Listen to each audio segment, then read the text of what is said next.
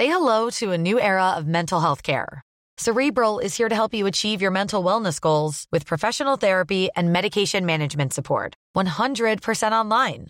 You'll experience the all new Cerebral Way, an innovative approach to mental wellness designed around you.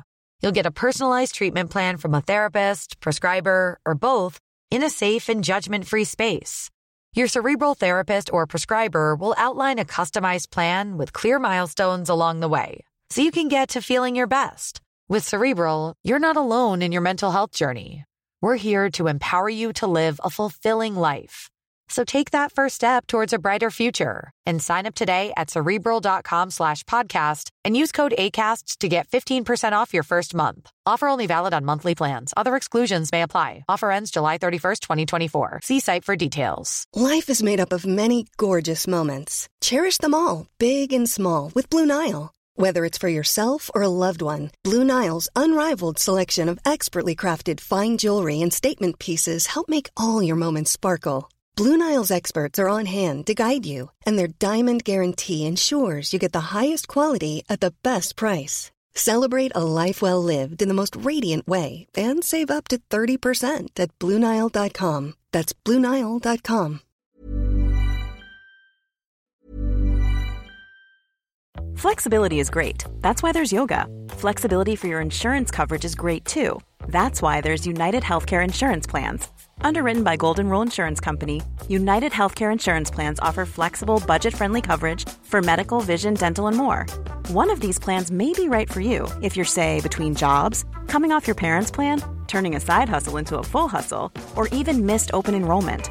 Want more flexibility? Find out more about United Healthcare Insurance Plans at uh1.com. Say hello to a new era of mental health care. Cerebral is here to help you achieve your mental wellness goals with professional therapy and medication management support. 100% online.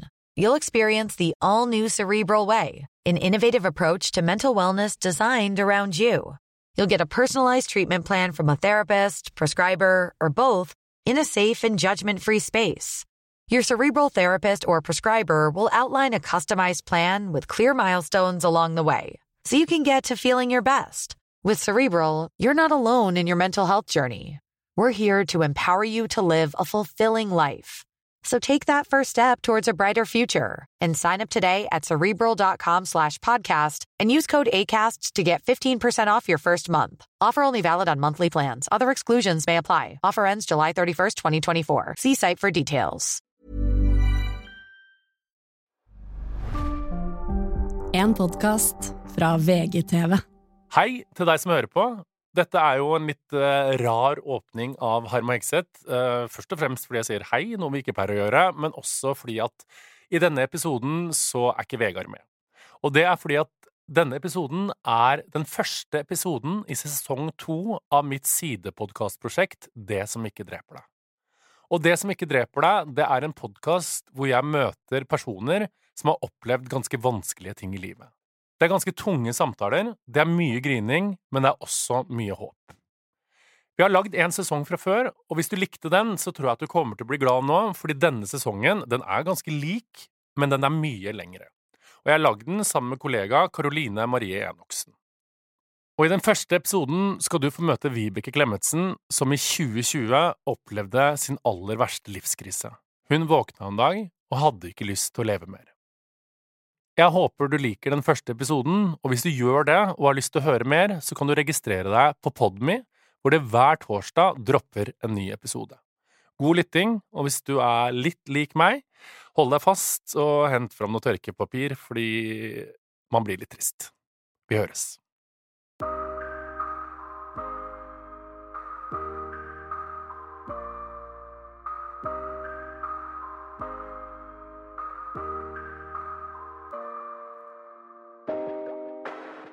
Har du noen gang kjent på frykten for at du en dag bare skal miste det? At psyken din fra en dag til den neste er en helt annen, og det samme gjelder oppførselen din og tankene dine. Det her er noe av det jeg frykter aller mest. Å miste kontrollen over meg sjøl. Noen ganger kan jeg få disse innfallene. Jeg kan f.eks. stå i øverste etasje på et sted og forestille meg hva som hadde skjedd hvis jeg hoppa over rekkverket. Eller når jeg kjører bil, kan noen ganger tanken slå meg hva hadde skjedd nå hvis jeg røkka til med rattet? Men det blir med disse tankene. Følelsen av å miste seg sjøl kan inntreffe når man er pressa til det ytterste, eller hvis omstendighetene rundt deg er kaotiske. Det kan være intenst, men ofte kortvarig eller forbipasserende. I hvert fall har det alltid vært sånn for min del. Men det kan også være langt mer alvorlig, og det kan sette deg ute av kurs uten at du skjønner hvordan du skal finne veien tilbake. For to år siden skjedde akkurat dette med Vibeke, som du nå skal få møte i denne episoden. Nå er jo livet ødelagt. Nå er jeg liksom Her hadde jeg aldri trodd at jeg skulle komme. Hvordan går man fra å være en høyst fungerende trebarnsmor, yogaguru og entreprenør, til plutselig å ha ett mål for øyet? Å sette fra seg ungene aleine hjemme, for så å dra og ta sitt eget liv.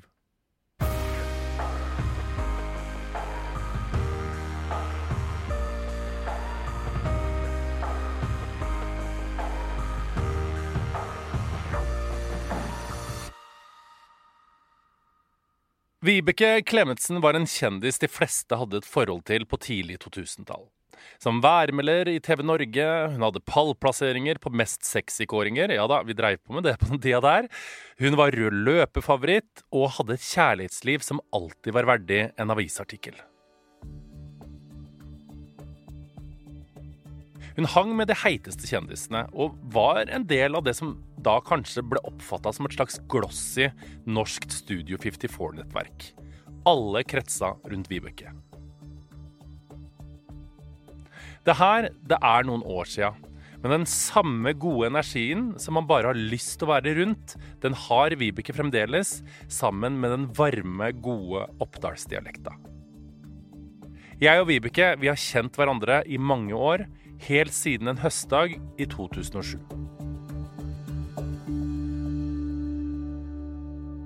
Det var jo en veldig rar setting, for det var jo en begravelse. Og jeg kjente nå ikke den personen som skulle begraves, for jeg var journaliststudent og hadde, skulle skrive en skoleoppgave. Og kommer dit og skjønte jo egentlig ikke hva jeg hadde begitt meg ut på. Og så møter jeg da eh, fine deg som kom, og du, jeg bare husker at du liksom forbarma deg over meg. Og så fikk jeg sånn Jeg husker ikke om du hjalp meg, eller liksom, men jeg var helt grønn. Siden den gang har du sett henne som gründer bak merket Run and Relax. Hun har skrevet kokebøker, fått oss til å stille oss i Downward Facing Dog og chante namaste, og hun har fått seg ny kjæreste, flere barn og landa store ambassadørskap med internasjonale merkevarer. Men oppi alt det her så fremstår Vibeke helt balansert. Men samtidig så er jeg jo veldig mm, sår, sårbar, sensitiv, veldig skjør. Og det er litt av grunnen til at hun begynte med yoga. Et ønske om balanse. Altså, jeg er jo ikke sjenert, men jeg er jo litt sånn Jeg er jo ikke egentlig den som kommer inn i et rom og tar rommet, liksom. Eh, tar alt veldig personlig. Det jobber jeg jo med en dag i dag. Og liksom Alt er ikke retta negativt mot meg, liksom. Men det kan jeg fint tro, da. Så jeg liksom Så jeg har nok sånn lett for å bli veldig fort lei meg. I tillegg til å bli fort lei seg, så er det sånn at når Vibeke opplever store eller plutselige forandringer i livet, da kan det bli litt vanskelig. Nei, jeg er nok ikke så god på å møte utfordringer. Jeg syns jo ofte det er litt vanskelig. Og så har jeg jo da med yogaen liksom funnet en sånn indre styrke. som Det er liksom, det er jo ikke bare kroppen som blir fysisk sterk, men jeg føler at jeg blir liksom veldig, som jeg sier, i kontakt med meg sjøl, da.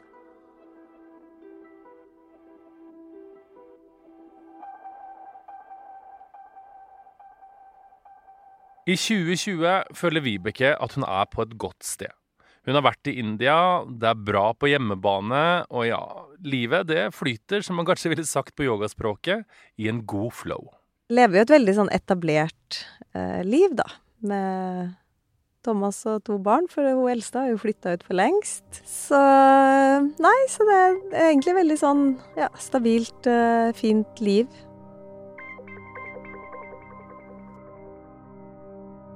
I dag kommer regjeringen med de sterkeste og mest inngripende tiltakene vi har hatt i Norge i fredstid. 12. mars 2020. Norge stenger ned.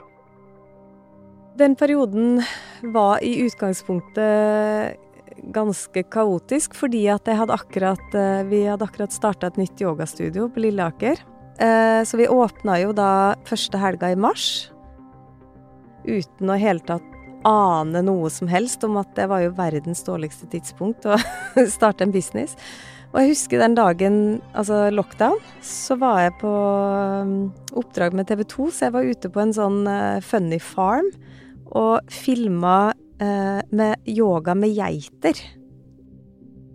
Hvor da eh, de i TV 2 fikk plutselig sånn, begynt å få masse telefoner og tekstmeldinger om at eh, nå går vi i lockdown i ettermiddag og Så vet, det var jo som en sånn krigsstemning hvor du bare Hva, hva skjer nå, liksom?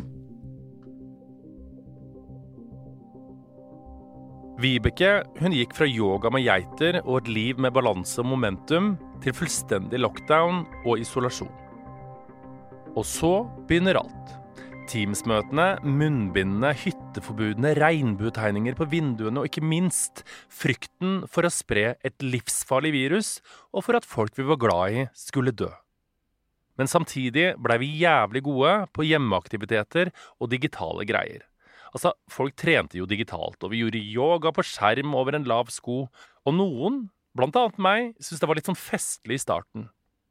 Men Vibeke, hun hata det. Da skulle plutselig alle drive med sånn Zoom-undervisning, og jeg er sånn veldig avhengig av å uh, møte på en måte et ansikt og energien og få lov til å ta en uh, korrigere en kropp, ikke sant, når jeg underviser. Så jeg var sånn Nei, jeg vil ikke på sånn Zoom, og nei, det er dritukomfortabelt, og Ja, så jeg, det, det, det var jo bare kaos, men det var det jo for oss alle, da. Og dette er jo to av de tinga som er vanskelig for Vibeke. At det skjer store forandringer, og at hun ikke får kommunisert med mennesker slik som hun pleier. Men vi skulle alle bidra til en kollektiv dugnad. Det har vært innmari lite rom for klaging. Vibekes indre demoner sperres inne. Nettopp fordi det her var en så kollektiv greie vi havna i, så er det jo litt sånn typisk med at nei, men det skulle jeg jo takle. Fordi liksom, det er jo ikke noe verre for meg enn for noen andre, så det her skulle liksom være Skulle jo være god i, i det òg. Jeg blir bare veldig urolig. Jeg, jeg liksom Jeg blir stressa i kroppen, stressa i hodet, bekymra. Det ble veldig sånn sosiale medier. Fordi ikke sant, vi, vi, plutselig så ble det så stille. Så jeg sånn, hva gjør vi da? Nei, da, da fulgte man med på alt hva alle andre gjorde i sine hus og hjem. Og, og det var jo noen som takla det her, som syntes det her var bare helt fantastisk. Og de satt og malte med barna sine, og det var baking, og det var ut og tenne bål i skogen. Og jeg husker at jeg på et tidspunkt eh, noen uker inn i lockdown, så sletta jeg Instagram-appen min. Så ikke nok med at jeg ble stille liksom fra det, men jeg bare jeg spydde av å se på alle de her vellykka familiene som takla det her så jævlig bra, bra for at jeg følte at jeg takla det så sykt dårlig. Du får sånn mindreverdighetskompleks, da. For det er sånn, hvorfor takler de det så bra? Hvorfor, altså Vi er jo akkurat samme situasjon, liksom. Det å ikke takle noe som alle andre tilsynelatende fikser, gir Vibeke en enorm følelse av ensomhet og ikke minst skam. En følelse som absolutt forsterkes av sosiale medier og det å ikke kunne dele tankene med noen. Og det her, det høres kanskje litt overfladisk ut, men når det tar overhånd, så kan det føles enormt overveldende. Og den neste tida nå så skjer det mye. Eller lite, om du vil. Det blir rett og slett veldig, veldig stille. Vi blir stadig mer isolert, familier opplever friksjon, ja, jeg var sjøl i parterapi. Krangler som før lå ulma under overflaten, når nå sine klimaks, og små problemer, de blir større. Dette skjer også hjemme hos Vibeke. Og følelsene, de tar til slutt overhånd. Altså, jeg var så lei meg at jeg gråt i tre døgn. Jeg gråt og gråt og gråt og gråt.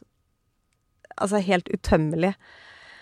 Som jeg tror at den reaksjonen kom jo fordi vi sto i lockdown, som allerede hadde en sånn kjempeuro i kroppen, og så skjer det her. Og så bare blir verden bare Altså, den raser sammen, rett og slett, da. Fordi det eneste vi hadde da, var liksom den her private greia hjemme i vårt eget hjem. Og så, når det da skjer ting som påvirker det, der òg, så bare rakna det helt. Gråte i tre døgn? Altså, jeg var Altså, jeg har aldri grått så mye i hele mitt liv.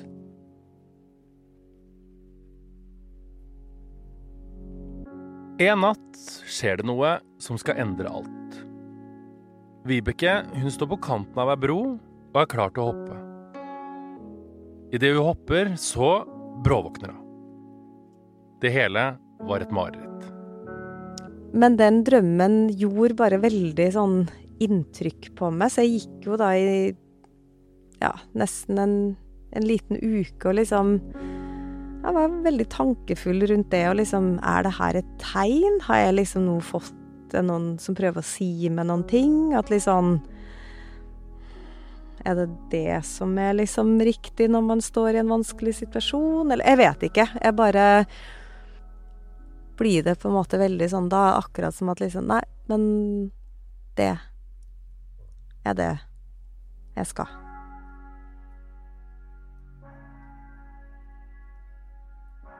Vanligvis når man drømmer, så våkner man opp, og så husker man ikke det hele tatt, for man glemte inn frokost. Men dette er ikke en sånn drøm. Tankene om denne selvmordsdrømmen, de tar stadig større plass. Men Vibeke, hun prøver å leve som normalt. En dag tar hun med de to yngste ungene for å besøke svigersøster.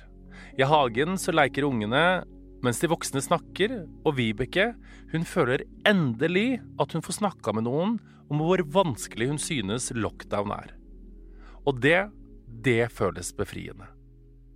Men så skjer det noe som ofte skjer. Eh, noe som egentlig er ganske vanlig, nemlig at ungene de begynner å krangle, og samtalen, denne samtalen som Vibeke har lengta så etter, den blir brutt.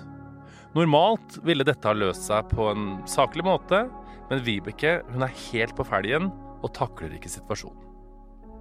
Da var jeg helt ferdig. Så jeg satt barna i bilen, kjørte hjem, sa pappa er hjemme om ti minutter, jeg stikker, liksom. Og da hadde jeg bestemt meg.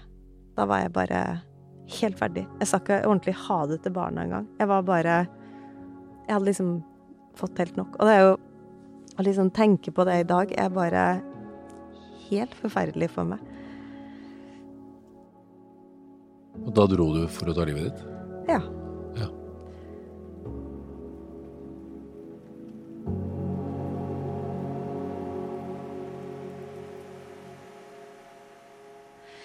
Så da tenkte jeg at nå må jeg bare kjøre et sted hvor jeg kan sitte i fred og ro, og jeg gråt og jeg gråt og jeg gråt.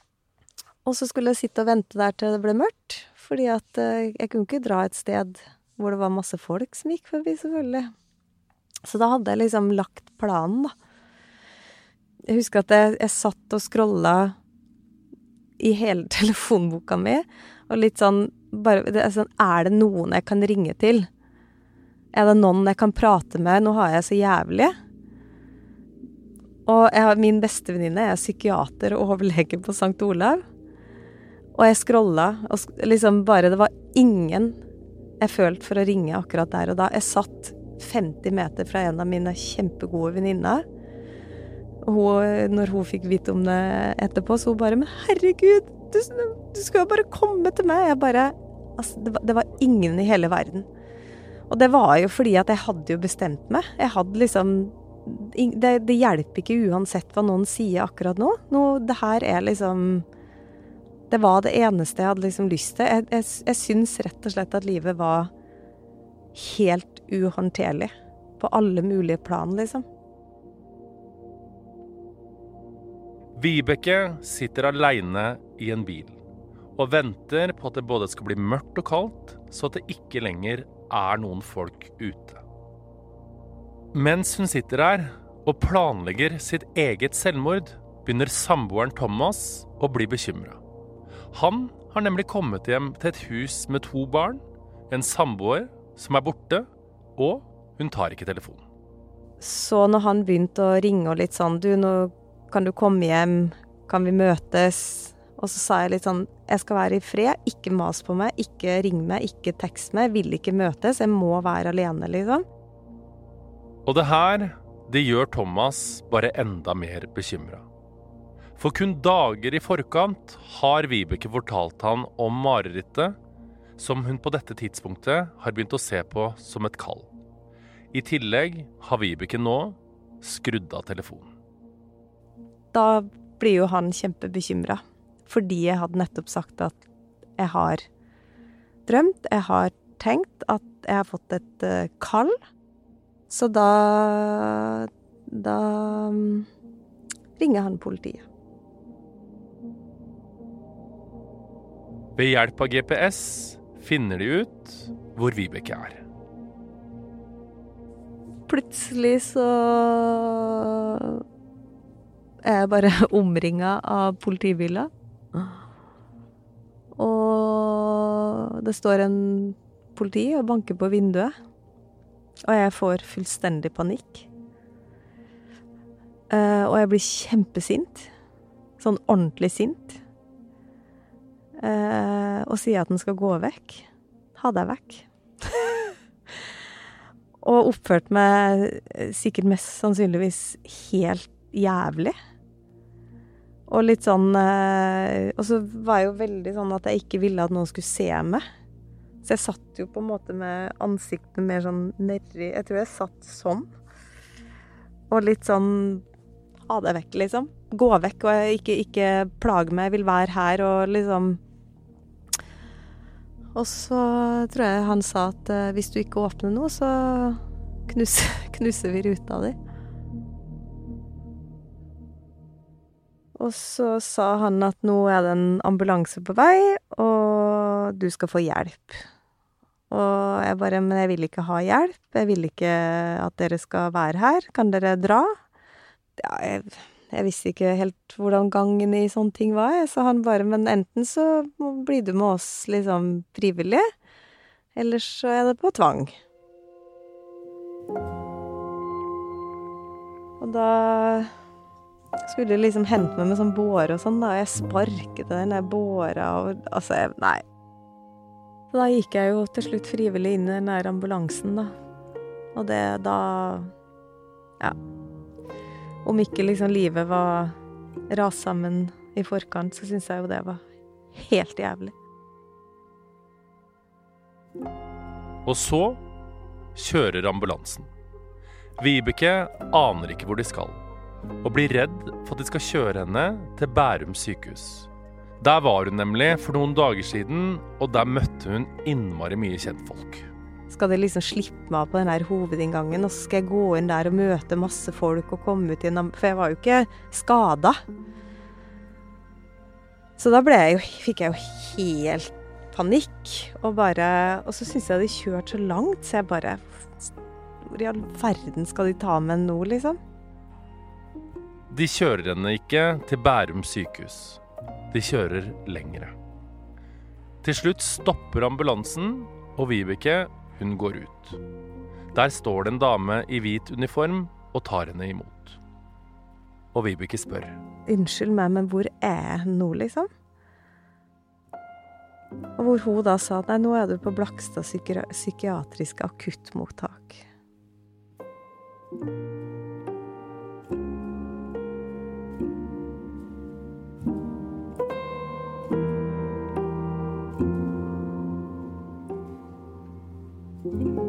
Blakstad psykiatriske akuttmottak.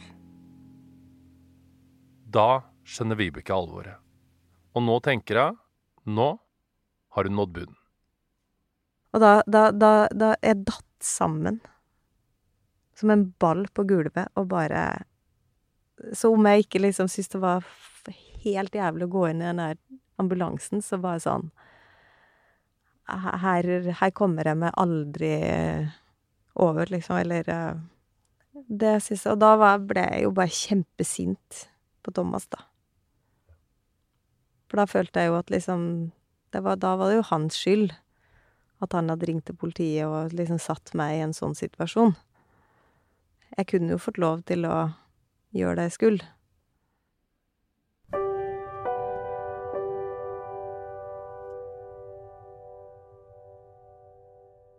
Vibeke er sint og frustrert, men hun sparker ikke lenger etter bårer og er like fortvila. Hun spør hvor toalettet er, men hun får ikke lov til å gå inn dit aleine. Hun må gi fra seg veska, ha døra åpen, og etter hvert får hun tildelt et rom. Og det er tristeste rommet jeg noen gang har gått inn på, tror jeg. Hvordan så det ut? Altså, det var ingenting. Det var en seng og en stol. Og det er jo, det, det er jo en sånn eh, berg-og-dal-bane av følelser på at liksom Jeg skjønte jo at det var bra for meg at jeg var i trygge hender. Og så syns jeg det var helt jævlig. Vibeke er på dette tidspunktet alvorlig sjuk og i krise. Men det er også noe annet som herjer henne. Hun kjenner på en enorm skam.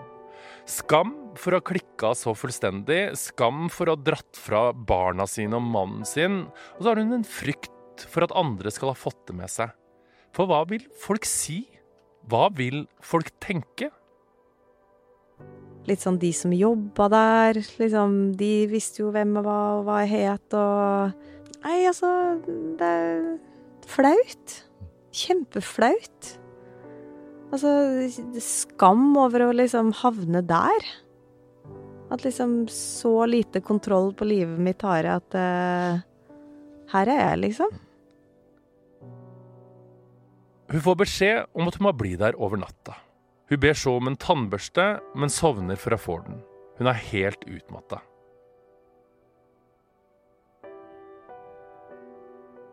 Dagen etterpå har hun møte med en overlege som sier Du skal ikke legges inn, liksom, men du trenger hjelp. Du, du skal få noen å prate med. Men du kan få lov til å dra hjem nå.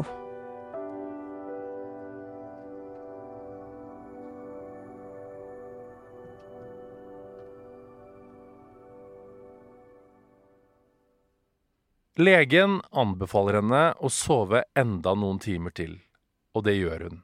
Kroppen er så sliten. Og så skal det som hun har grua seg aller mest til, skje. Hun skal bli henta av samboeren Thomas. Og det å bli henta på Blakstad psykiatriske akuttmottak, ja, det syns Vibeke er ufattelig vanskelig. Og det også er jo veldig rart, ikke sant, jeg har vært sammen med Thomas i 14 år. Og vi har liksom to barn sammen, og du liksom har levd livet sammen, men det Åh, og det er liksom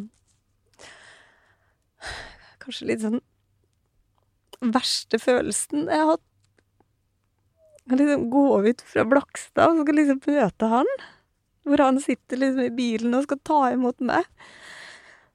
Og så har jeg liksom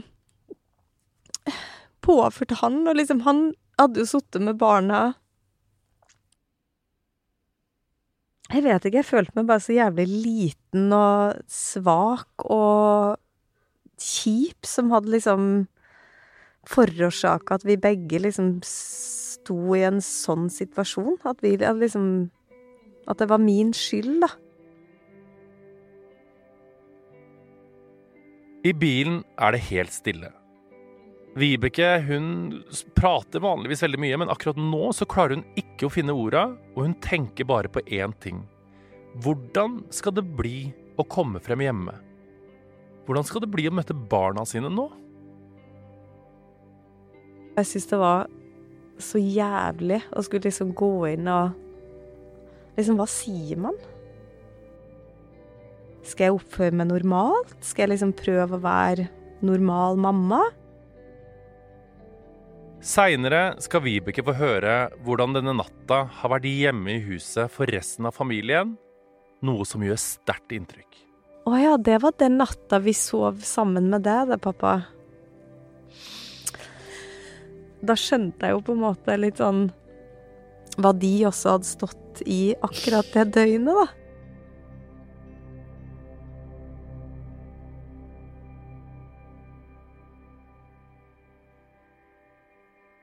I tida etter dette dramatiske døgnet begynner Vibeke å gå til psykolog. Her finner hun ut at hun har en tilpasningsforstyrrelse, altså at ved store endringer kan hun få store reaksjoner. Og vissheten om det her, og det å snakke åpent til noen om det, har gjort at det gradvis har gått bedre. Vibeke er ikke lenger suicidal. Men det hun var igjennom, har gitt henne en følelse av skam og skyld som hun kanskje aldri blir kvitt. Ja, fremdeles kan liksom ha den der følelsen av at liksom Nå har jeg liksom mista alt av den jeg var. På hvilken måte? Jeg syns det er litt vanskelig å liksom beskrive det, med litt sånn Jeg har jo alltid vært veldig opptatt av at folk skal liksom synes at jeg er flink, og synes at jeg gjør bra ting, og Og det er jo liksom noen ting Altså bare det når jeg ble skilt, så syns jeg jo det var liksom tabu og skam, fordi man ikke fikk det til. Jeg mista jo jobben på et tidspunkt i TV 2, som jeg syns var også kjempekjipt. Sånn fordi jeg var så redd for at folk skulle da tenke at jeg ikke var flink nok og bra nok. Og det er jo litt av det å liksom havne så utpå, tenkte jeg å si, eller havne så langt nede. Mm.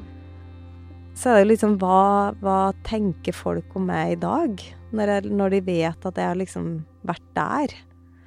Det at liksom At jeg har At jeg faktisk forteller at jeg har ønska å ta livet mitt, liksom.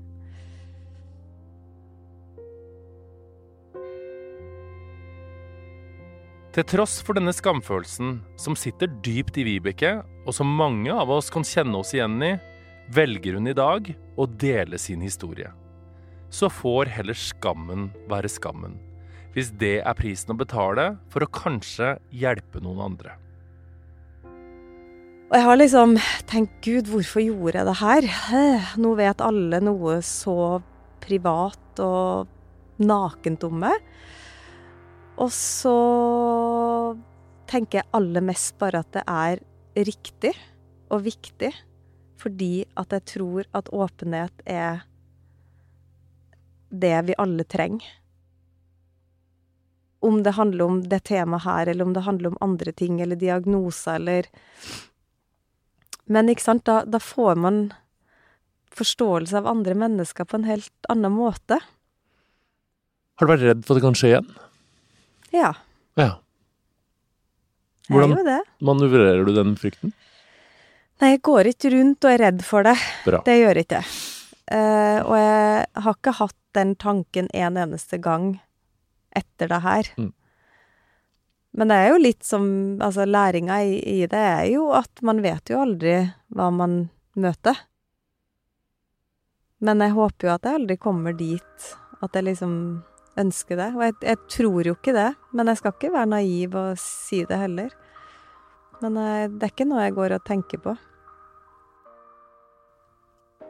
Jeg prøver å bruke det nå til at liksom å være mer forberedt på For altså, det er jo ikke siste gang jeg skal møte motstand i livet. Det vet jeg jo. Det er ikke det. Det er ikke det. Dessverre. Nei. For det er jo livet. Takk for at du hørte på Det som ikke dreper deg, første episode av sesong to. Og hvis du har lyst til å få med deg de andre episodene, så kan du registrere deg hos Podme, hvor det hver torsdag kommer en ny episode.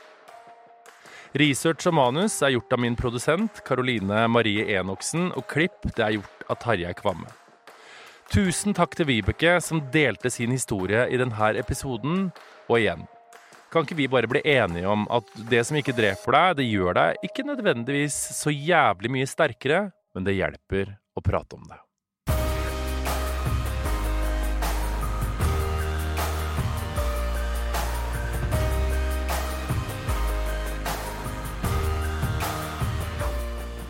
Husk at Mental Helse kan nås på telefonnummer 116 123 eller på den døgnåpne chatten på sidemedord.no. Hvis du trenger hjelp, ta kontakt med fastlegen, legevakt eller skolehelsetjenesten. Og som alltid skal du ringe 113 hvis det er fare for liv.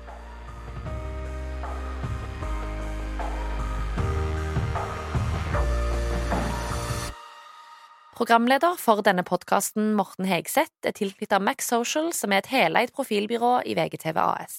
VGs redaksjonelle vurderinger gjøres uavhengig av dette, og redaksjonen står fritt. Oversikt over bindinger for profiler som gjør oppdrag for VG, finner du nederst på vg.no.